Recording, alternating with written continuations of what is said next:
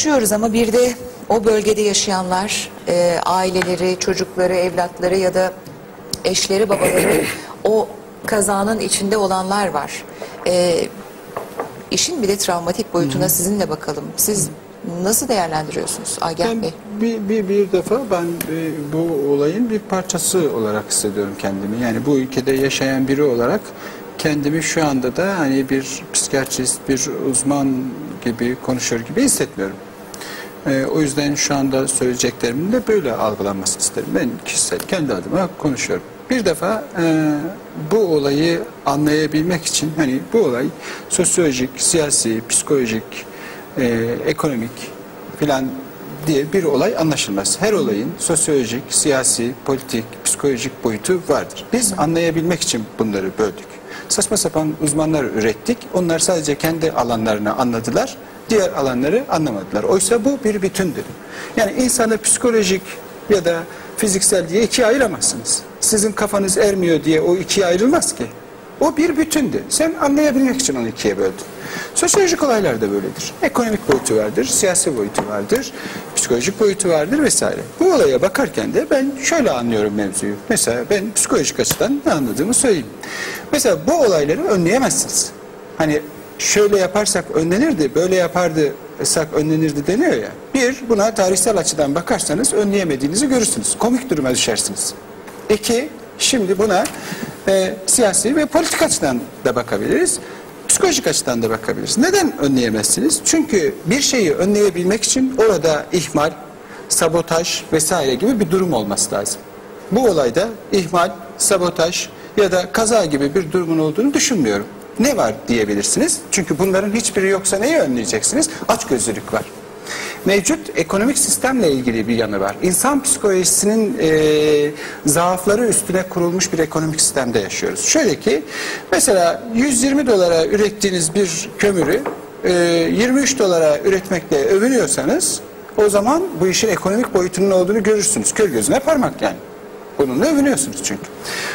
E, şimdi bakın fotoğraf değişti. Peki bu sadece kömür madenlerinde, kömür e, maden işçilerinde yaşanan bir durum mu? bütün alanlarda yaşanan bir durum. Sağlık sektöründe, eğitim sektöründe, e, sektör diyorum zaten iğrenç bir kelime kullandım. Neyse eğitime ya da s- sağlığa da sektör demek Farklı ayrı bir meslek tartışma. gruplarında. Alınıp satılabilir bir mala dönüştürüyorsunuz dikkat ederseniz insanların temel ihtiyaçlarını. Neyse mevzuyu çok uzatmayayım. Bu her alandaki bu performans sistemi dikkat ederseniz bu yaşadığımız olayın bir kaza olmadığını gösteriyor. Bugün fast food restoranlarda 800 lira maaşa çalışan çocukların 12 saat çalışıp ölen ruhları bakın bu kaza çok küçük kalıyor onların yanında. Ee, gökdelenlerde 12 saat cumartesi günleri da, dahil çalışan insanlar daha çok kadın, daha çok adam elde edeyim o zaman mutlu olacağım varsayımıyla güdülenen insanlar daha çok eşya alayım, daha büyük otomobiller alayım, daha büyük evler alayım. Siz Öyle- sistemsel bakıyorsunuz tabii. Öyle bakmak zorundasınız. Evet. Eğer olaya Ama- parça parça bakarsanız çuvallarsınız. Müsaade ederseniz bitireyim. Böyle baktığınız zaman bu olayın bir kaza, ihmal vesaire olmadığını, sistemin bir parçası olduğunu görürsünüz. Dolayısıyla burada Tüm dünyanın sisteminden söz Yok etmek değil. mümkün değil. aslında. Orada bir ayrım var. Şöyle ki mesela bu bir siyasi partiyle ilgili bir şey de değil. Mesela bu işte ne bileyim AKP'nin e, işte şu anki iktidarla ilgili bir mevzu da değil. Bu serbest piyasa ekonomisiyle ilgili bir süreçle bağlantılı. O sürece destek veren bir parti bu ister CHP olsun ister AKP olsun kim olursa olsun sistemi savunmak zorunda. Onun işlevi o. Şimdi burada Sorun nerede peki? Soruna baktığınızda sistemi bütünsel olarak algılamadığınızda ne sosyolojik ne psikolojik ne de siyasi olarak çözümleyemezsiniz. Buradaki bu performansa dayalı kazanmak, en birinci olmak, başarılı olma arzusu size tabii ki gözden çıkarılabilir şeyler getiriyor önünüze. Ve bunu mübah görmeye başlıyorsunuz. Ne var canım yani? Şimdi Avrupa, Amerika'da da aynı ekonomik sistem. Evet onlar 400 yılda modernleşmelerini gerçekleştirdi. Sen 30 yılda yapmaya çalışıyorsun. Komik duruma düşüyorsun. Bunu içselleştirmen o kadar kolay değil. İnsanlar yalnızlaşıyor. Mesela e, bu, bu kazanın bir kaza diye tarif edilen bu olayın bir kaza olmadığının en somut kanıtını ben kendi mesleğimle ilgili olarak vereyim. Bakın şimdi e, çok dramatik, çok trajik bir olaydır bu. 5 dakikada psikiyatrist hasta göremez. 5 dakikada muayene ettiğiniz kişiyi öldürüyorsunuz demektir. Onu öldüren kişi de ruhen ölüyor demektir. Bakın gördünüz mü kaza değil. Çünkü sistem diyor ki ben senin her istediğine cevap vereceğim. Madem 25 dakika ben bunu 5 dakikaya indiririm senin ihtiyaçlarına cevap veririm. Yani hepimiz suçluyuz.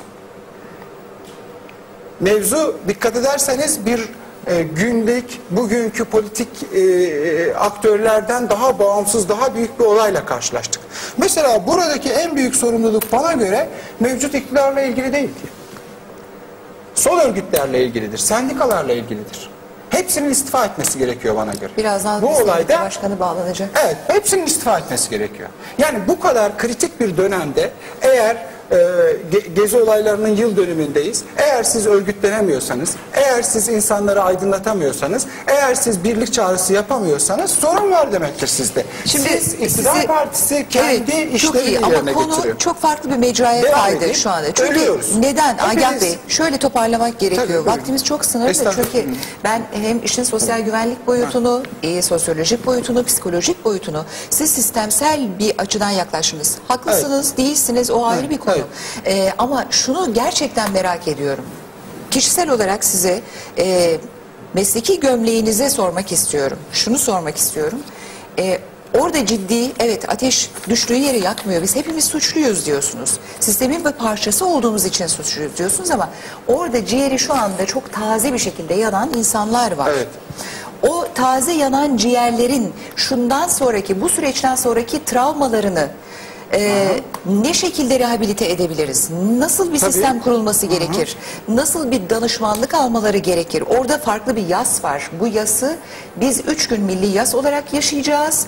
Daha sonra o insanların yası belki bir ömür boyu devam edecek. Tabii. Bu açıdan bir değerlendirmenizi Şey rica zaten o edeceğim. açıdan değerlendiriyorum. Ben az önceki söylediklerimi öyle e, laf olsun diye söylemedim. Üfürmedim yani. Bakın şimdi birleştireceğim. Yaz birlikte tutulabilen bir şeydir. Biz hepimiz ölüyorsak, hepimiz bu olayın bir parçasıysak, bu olay münferit bir olay değilse, bu olay açgözlülükle ilgiliyse o zaman buradaki yaşanan olay hepimizle ilgili. Yani hepimizin güven algısının sarsılmasıyla ilgili. Hepimiz kendi güven algımızın sarsılmasıyla ilgili bir yas tutuyoruz. Değil mi? Telefonlarımız dinleniyor, iş güvencemiz yok vesaire. Dikkat ederseniz bizimle ilgili bir olay var burada. O tek başına bir olay değil yani. Bu çerçevede baktığımızda yaz tek başına tutulabilir mi? Yaz ne demektir? Yaz kaybettiğiniz bir şeyin arkasında ne oluyoru anlamak sürecidir. Bunu tek başına anlayamazsınız. Çünkü bir insan bir sevgi nesnesine e, duyduğu sevgiyle birlikte öfke ve e, agresyon da vardır. Sa- saldırganlık dürtüsü de vardır. Yasla ilgili süreçte kişi bunu ötekilerle tamamlar. Ötekilerin tanıklığında o öfkesini tanır, kendine yönel. Kendine yönelirse zaten depresyon ortaya çıkar. Yani bir süreci, Paylaşması gerekir. yas sürecinde yüzleşme şarttır böyle bir olayda. Mesela muhataplardan birinin hükümet olabilir, sendika olabilir, kimse kim kendini burada muhatap İşveren görüyorsa, olabilir işveren olabilir. olabilir. Çıkıp Ekonomik koşullar olabilir. Çıkıp herkes özür olabilir. dilemesi gerekiyor. Neden biliyor musunuz? Hayır, basit bir özürden bahsetmiyorum. Özür dilersiniz de o da onun da ayrı parça e, şey boyutları var. Yani sen özür dilersin benden. Ben canım isterse kabul ederim, istemezse kabul etmem. Henüz dur yani özür dilemekle bir iş yapmayacaksın. Yasın tutulabilmesi için muhatabın faille yüzleşmeniz gerekiyor. Yüzleşmezseniz yas tutulamaz. Yani buradaki yasın tamamlanabilmesi için bir muhatabın çıkıp ya biz hata yaptık ya da biz şöyle yaptık ya da bu sistemle ilgilidir. Bir yapılandırılmış açıklama yapıp bunun muhatabı da biziz ve özür diliyoruz affedilmeyi bekliyoruz dedikten sonra bunun muhatapları onları affeder, etmez, yüzleşir, kızar, bağırır, yas tamamlanır. Yas tek başına tutulabilir mi? Hayır, patolojik bir sürece gider. O yüzden taziye ziyaretine gidiyoruz biz. Öteki olmadan yası tutamazsınız. O yüzden ulusal yasla falan bu işi çözemezsiniz. Bir kere burada kayıpları olan kişilerin örgütlenmesi gerekiyor. Bu isimlerin tek tek çıkması gerekiyor. Bu isimlerin akrabalarının, yakınlarının az önce benim yaptığım gibi mesela ben de oraya dahil hissediyorum kendimi. Bu örgütlenme içerisinde kendisini bir yer bulması gerekiyor. Yani onun bir adının olması gerekiyor. O isimler tek tek yazılacak. Bunların anısına bir dernek kurulacak, neyse vakıf kurulacak, oraya bir anıt mezar yapılacak. Yası, yası öyle tutamazsınız. ya. Ben özür diledim, e, ulusal yasla ilan ettim, mevzu Olmaz öyle şey. Ne, ne kimle yüzleşeceğim ben? Benim öfkem kime gidecek? Şimdi öfke, şimdi ölenle terk eden arasında şöyle bir fark vardır. Terk edilmek kolay bir şeydir. Mesela sevgiliniz sizi terk edip bir tane kadını ya da adamı koluna takıp Almanya'ya gittiğinde bu o kadar koymaz adamı. Canınızı yakmaz. Arkasından küfür edersiniz. Öfkenizi kusarsınız biter. Ama ölenin arkasından bunu yapamıyorsunuz. Şimdi kalan dikkat ederseniz burada acı çekiyor ya. Ki- Kim mağdur burada? Ölen öldü zaten. Kalan terk edildi. Hani beraber yaşayacaktık bu hayatı? Şimdi ölen kendi sorumluluğunda ölmediği için ona bir şey diyemiyorsun. Dikkat ederseniz Öfke burada bir öfke kaldı. ve agresyon var. Bu kime gidecek? Ya kendine yönelecek, ona patolojik yaslıyoruz. Depresyon tedaviye ihtiyaç duyuyor. Ee, ölen kişi olamayacağına göre o zaman bunun bir öfke nesnesi olması gerekiyor. Öfke nesnesinin yiğit olması gerekiyor. Çıkıp ben sizin öfke nesnesi, nesnenizim demesi gerekiyor. Bakın başta söylediklerim üfürük değildi. Bu olayın sosyolojik, psikolojik, ekonomik, siyasal boyutunun olduğunun en somut kanıtıdır bu. Eğer bu olayı münferit bir kaza olarak görürseniz komik duruma düşersiniz. Madem münferit bir kaza, her 5 yılda bir biz niye bunu yaşıyoruz? Dünya en son bu boyutlarda bir kazayı 1942'de yaşamış. yani siz adamların 400 yılda yaptığı işi 30 yılda yapmaya kalkarsanız, herkesi geçeceğim ben dünyanın en büyük adamı olacağım derseniz, bu iktidar partisiyle, onun muhalefetiyle falan ilgili değil. Bu sisteme destek veren her kişinin sorumluluğudur. Herkes Her birimizin bir sorumluluğu. Evet, her Bunu birimizin hissetmek lazım. Bu acıyı bu şekilde paylaşabilmek Bakın lazım. şu anda bir Mutlaka. şey daha ekleyeyim sözünüzü kesiyorum. Ben bir şey daha sormak oluyor. istiyorum. Ekleyeyim bir cümle. Buyurun. Müsaade ederseniz. Şimdi bakın eskiden de ölüyordu Türkiye'de insanlar. Bu ülkede insanlar yeni ölmüyor. Daha fazla ölüyordu. Ama eskiden izole bir şeydi bu. 1980 ve öncesinde solcuları kapatıyorlardı bir odaya öldürüyorlardı. Elektrik veriyorlardı, işkence yapıyorlardı. Ama bu sistem hepimizi öldürüyor. Farklı bir durum var. O yüzden farklı bir örgütlenme gerektiriyor. Bu yaz örgütlenmeden tutulamaz. Psikiyatristlere giderek sadece patolojikleşir. Örgütlenmek zorundasınız. Tanık tutmak zorundasınız. Yaz tanık olmadan tutulamaz. Yaz yasaklanamaz. Her yaz geri döner. Çünkü ölüler, ölüler kendilerini kimin olduğunu bilirler. Ölüler asla katillerini unutmazlar. Ve o ölülerin sahipleri de o katillerin yasını hep tutarlar. Bugün bu ülke sürekli yasının tutulmasını bekleyen mezarlıklarla dolu. O yüzden örgütlenmek zorundayız. Bakın bu bir anarşik falan teröristik bir şey söylemiyorum. Psikolojik bir süreçten bahsediyorum. Yaz örgütlenerek tutulur. Anadolu bunun beşiğidir. Anadolu'da taziye ziyaretine gitmeyen adamın yüzüne bakmazlar. Rus parasıyla beş kuruş etmez o adam. Bir virgül. Savaş Bey, hiç uzatmadan söz sizde. Ee, son dakikalara giriyoruz herhalde. O yüzden kısaca özetlemek istiyorum çok kısa. Ee, kendi iş güvenliği uzmanı olarak evet, çok ciddi sıkıntılarımız var. Ee, çünkü yasa olarak çok ciddi bize sorumluluklar veriyorlar. Çok ciddi e, üzerimizde bir yük var. Biz bizden evet belli önlemleri almak belli şeyleri yapmamızı istiyorlar ve bu, bunları yapmaya çalışıyoruz. Bilgimiz, tecrübemiz ama biz kendi adımızda her konuda uzman değiliz. Biz genel anlamda insanları rehberlik, denetlemek, danışmanlık gibi işlerde yardımcı olabiliriz. Herkesin iş güvenliğinden kendi herkes kendi sorumludur. Herkes kendi yaptığına dikkat etmeli. Bütün Ama bunun içinde de eğitim var işte. Yani Kesinlikle eğitim mutlaka bunlar eğitim, e, mutlaka. tecrübe her şeyi ilgilendiriyor ama sonuçta bütün insanlar Oradaki işçiler oradaki aksaklıkların farkında olamıyorlar mı örneğin? Yani burada gitmeyen ya da burada şu eksik, Çok şu konu vardır. eksik, Yani- şu teknik sistem eksik diyebilecek kapasitede Normalde değiller mi? hiç- bakın bu kanunla beraber Öyleler. aslında işçiye de çok ciddi e, şeyler var. Görevler İşçi göre isterse çalışmaktan kaçınabilir. Der ki burada risk var. Ben çalışmayacağım ve bana para yani işveren ona parasını ödemekle yükümlü o işi düzeltene kadar çalıştıramam. Ama bunu uygulamak çok kolay değil. Yani Türkiye'nin şartlarına öyle bir işçi çıkıp orada ben burada şu önlemleri almadığınız için, iş güvenliğlerini almadığınız için çalışmıyorum demesi çok zor. Ee, belki sendikalı Türkiye'nin %9,5'u sendikalı olarak sendikalı işler içinde bunlar olabilir ama diğer işveren yani taşeron işçileri dediğimiz Biz az işverenler evvel sendika e, başkanına da bağlandık telefonda. Bunların Şu söylemesi biraz- çok zor. Evet kanunlarımız var ama bu kanunları bizim sahada uygulamamız bazı kısımları çok zor. Gerçekten çok zor. Bunların daha Peki. uygulanabilir hale getirilmesi lazım. Peki. İnsanlara daha iyi anlatılması lazım. İşverenlere daha bu konuda iyi bilgi devlet tarafından, bizim tarafımızdan, herkes tarafından bunu bir kültüre dönüştürmek lazım. Ancak o zaman bu kazaları önleriz. Ancak o zaman başarılı oluruz. Peki. Özgür Bey. Diyeceğim o. Teşekkür ediyorum. Şimdi Ayla Hanım bu yasa içerisinde de önceki mevzuatlarımız içerisinde de tabii eğitimler çok önemli. Bir kere e, iş güvenliği, iş kazaları önlemedeki en önemli faktör eğitim. E, biz çalışanlara eğitim, eğitim veriyoruz. Aslında biz eğitimimizi çok temele daha da küçüklere indirmemiz lazım. Biz bunu da başlatmış durumdayız. Bunu da belirtmiş olayım.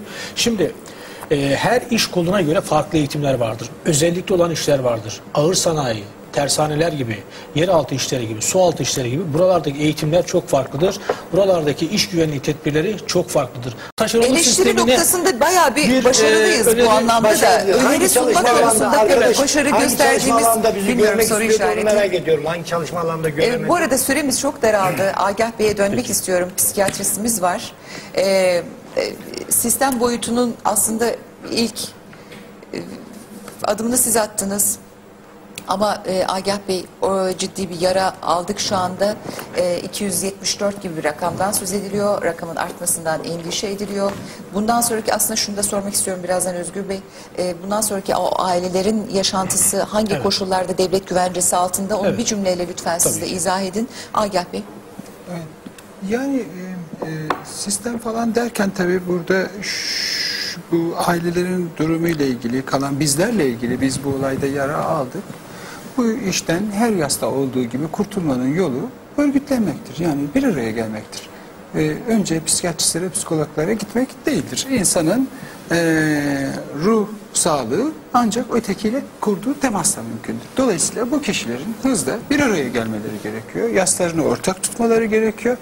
Bu sembolik düzeye geldiğinde de e, zaten o yas, o süreç tamamlanmış olur. Bu anıt mezarları olur, meydanlara çıkmakla olur, beraber O biriken öfkeyi olur. bir şekilde E, Sadece biriken öfke bir değil bu. bir, acısını- öfke var Acısını anlayabilmek için. Bir de Çok ben güzel bir örnekle bir- izah bir- etmiştiniz. evet. Giden sevgiliye öfkenizi e, kusarsınız öyle, biter ama ölünün arkasından öfkeyi kime Bir de kusacaksınız? bu arkadaşlarım ben bugün çok e, e, hepsini dinledim. Sözlerini de kesmek istemedim. Çok iyi niyetli insanlarla konuştuk. E, ama tabii burada mesela benim aklıma yatmayan şeyler var. Mesela eğitim e, iki cümleyle söyleyeyim. Mesela e, eğitim verilirse bu iş verenlere e, düzelir gibi falan böyle bana mesela kişisel olarak söylüyorum. Hayalci geliyor. Mesela bu iş adamları salak oldukları için iş güvenliği konusunda önlem almamazlık etmiyor. Birçoğu Oxford'da falan eğitim görüyor. Daha ucuz olduğu için dedi onlara Bey. eğitim verecek iş güvenliği uzmanlarından daha fazla eğitimleri var. Bir ikincisi, Her şey bir ikincisi bu adamlar bilgisiz olduklarından bunu yapmıyorlar. Ya da kötü adamlar iş adamı olur gibi bir kural yok. Diğer taraftan mesela bu, Maliyetleri bu düşünmek hizmeti dediniz. yapan Evet. aile hekiminin maaşını aynı patron veriyor. Böyle ekonomik sistem olmadan, ekonomi politiğini anlamadan bir mevzunun ne siyasal, ne Kişileri sosyal, ne suçlamak yanlış sosyolojik, ne psikolojik sürecini anlayamazsınız. Yani ikisi birlikte olması lazım. Buradaki mevzu eğitim değil, kâra dayalı bir sistemde bu kaçınılmazdır. Önleyemezsiniz. İddia ediyorum. önüne geçmek İddia nasıl ediyorum. olur 3 ki? sene önceki Kâra dayalı sistem artık genlerimize Aynen öyle. Yani 3 sene önce bizim yerimize gelen konu- konukları ko- dinleyin. Aynı bizim gibi söylemişlerdir. Şöyle yaparsak düzelir, böyle yaparsak düzelir. Emin olun bizden de güzel konuşa konuşa konuşmuşlardır. bir Daha şeyler büyüğünü yapacağız yaşadık. ama. Yok olmaz. Yani bir kere mevzuya bakacaksınız. Yani. İşverenlere bu işin maliyet değil bu işin onları aslında Evet. daha ucuza getireceği, kurtaracağı bir sistem olduğunu devlet de de herke, herkes tarafından anlatılması Hepimizin bir sorumluluğu var. Acımız büyük. Ee, ölü sayısının 274'e çıkması haberi az önce e, geldi kulağımıza. Çok üzgünüz. Evet yasımız devam ediyor. Çok boyutu var. Ama bilirkişiler raporlarını hazırlayacaklar. Önümüzdeki günlerde birçok şey daha net bir şekilde karşımızda olacak. Acılarıyla beraber elbette. Ben çok teşekkür ediyorum bu acı günü bizimle paylaştığınız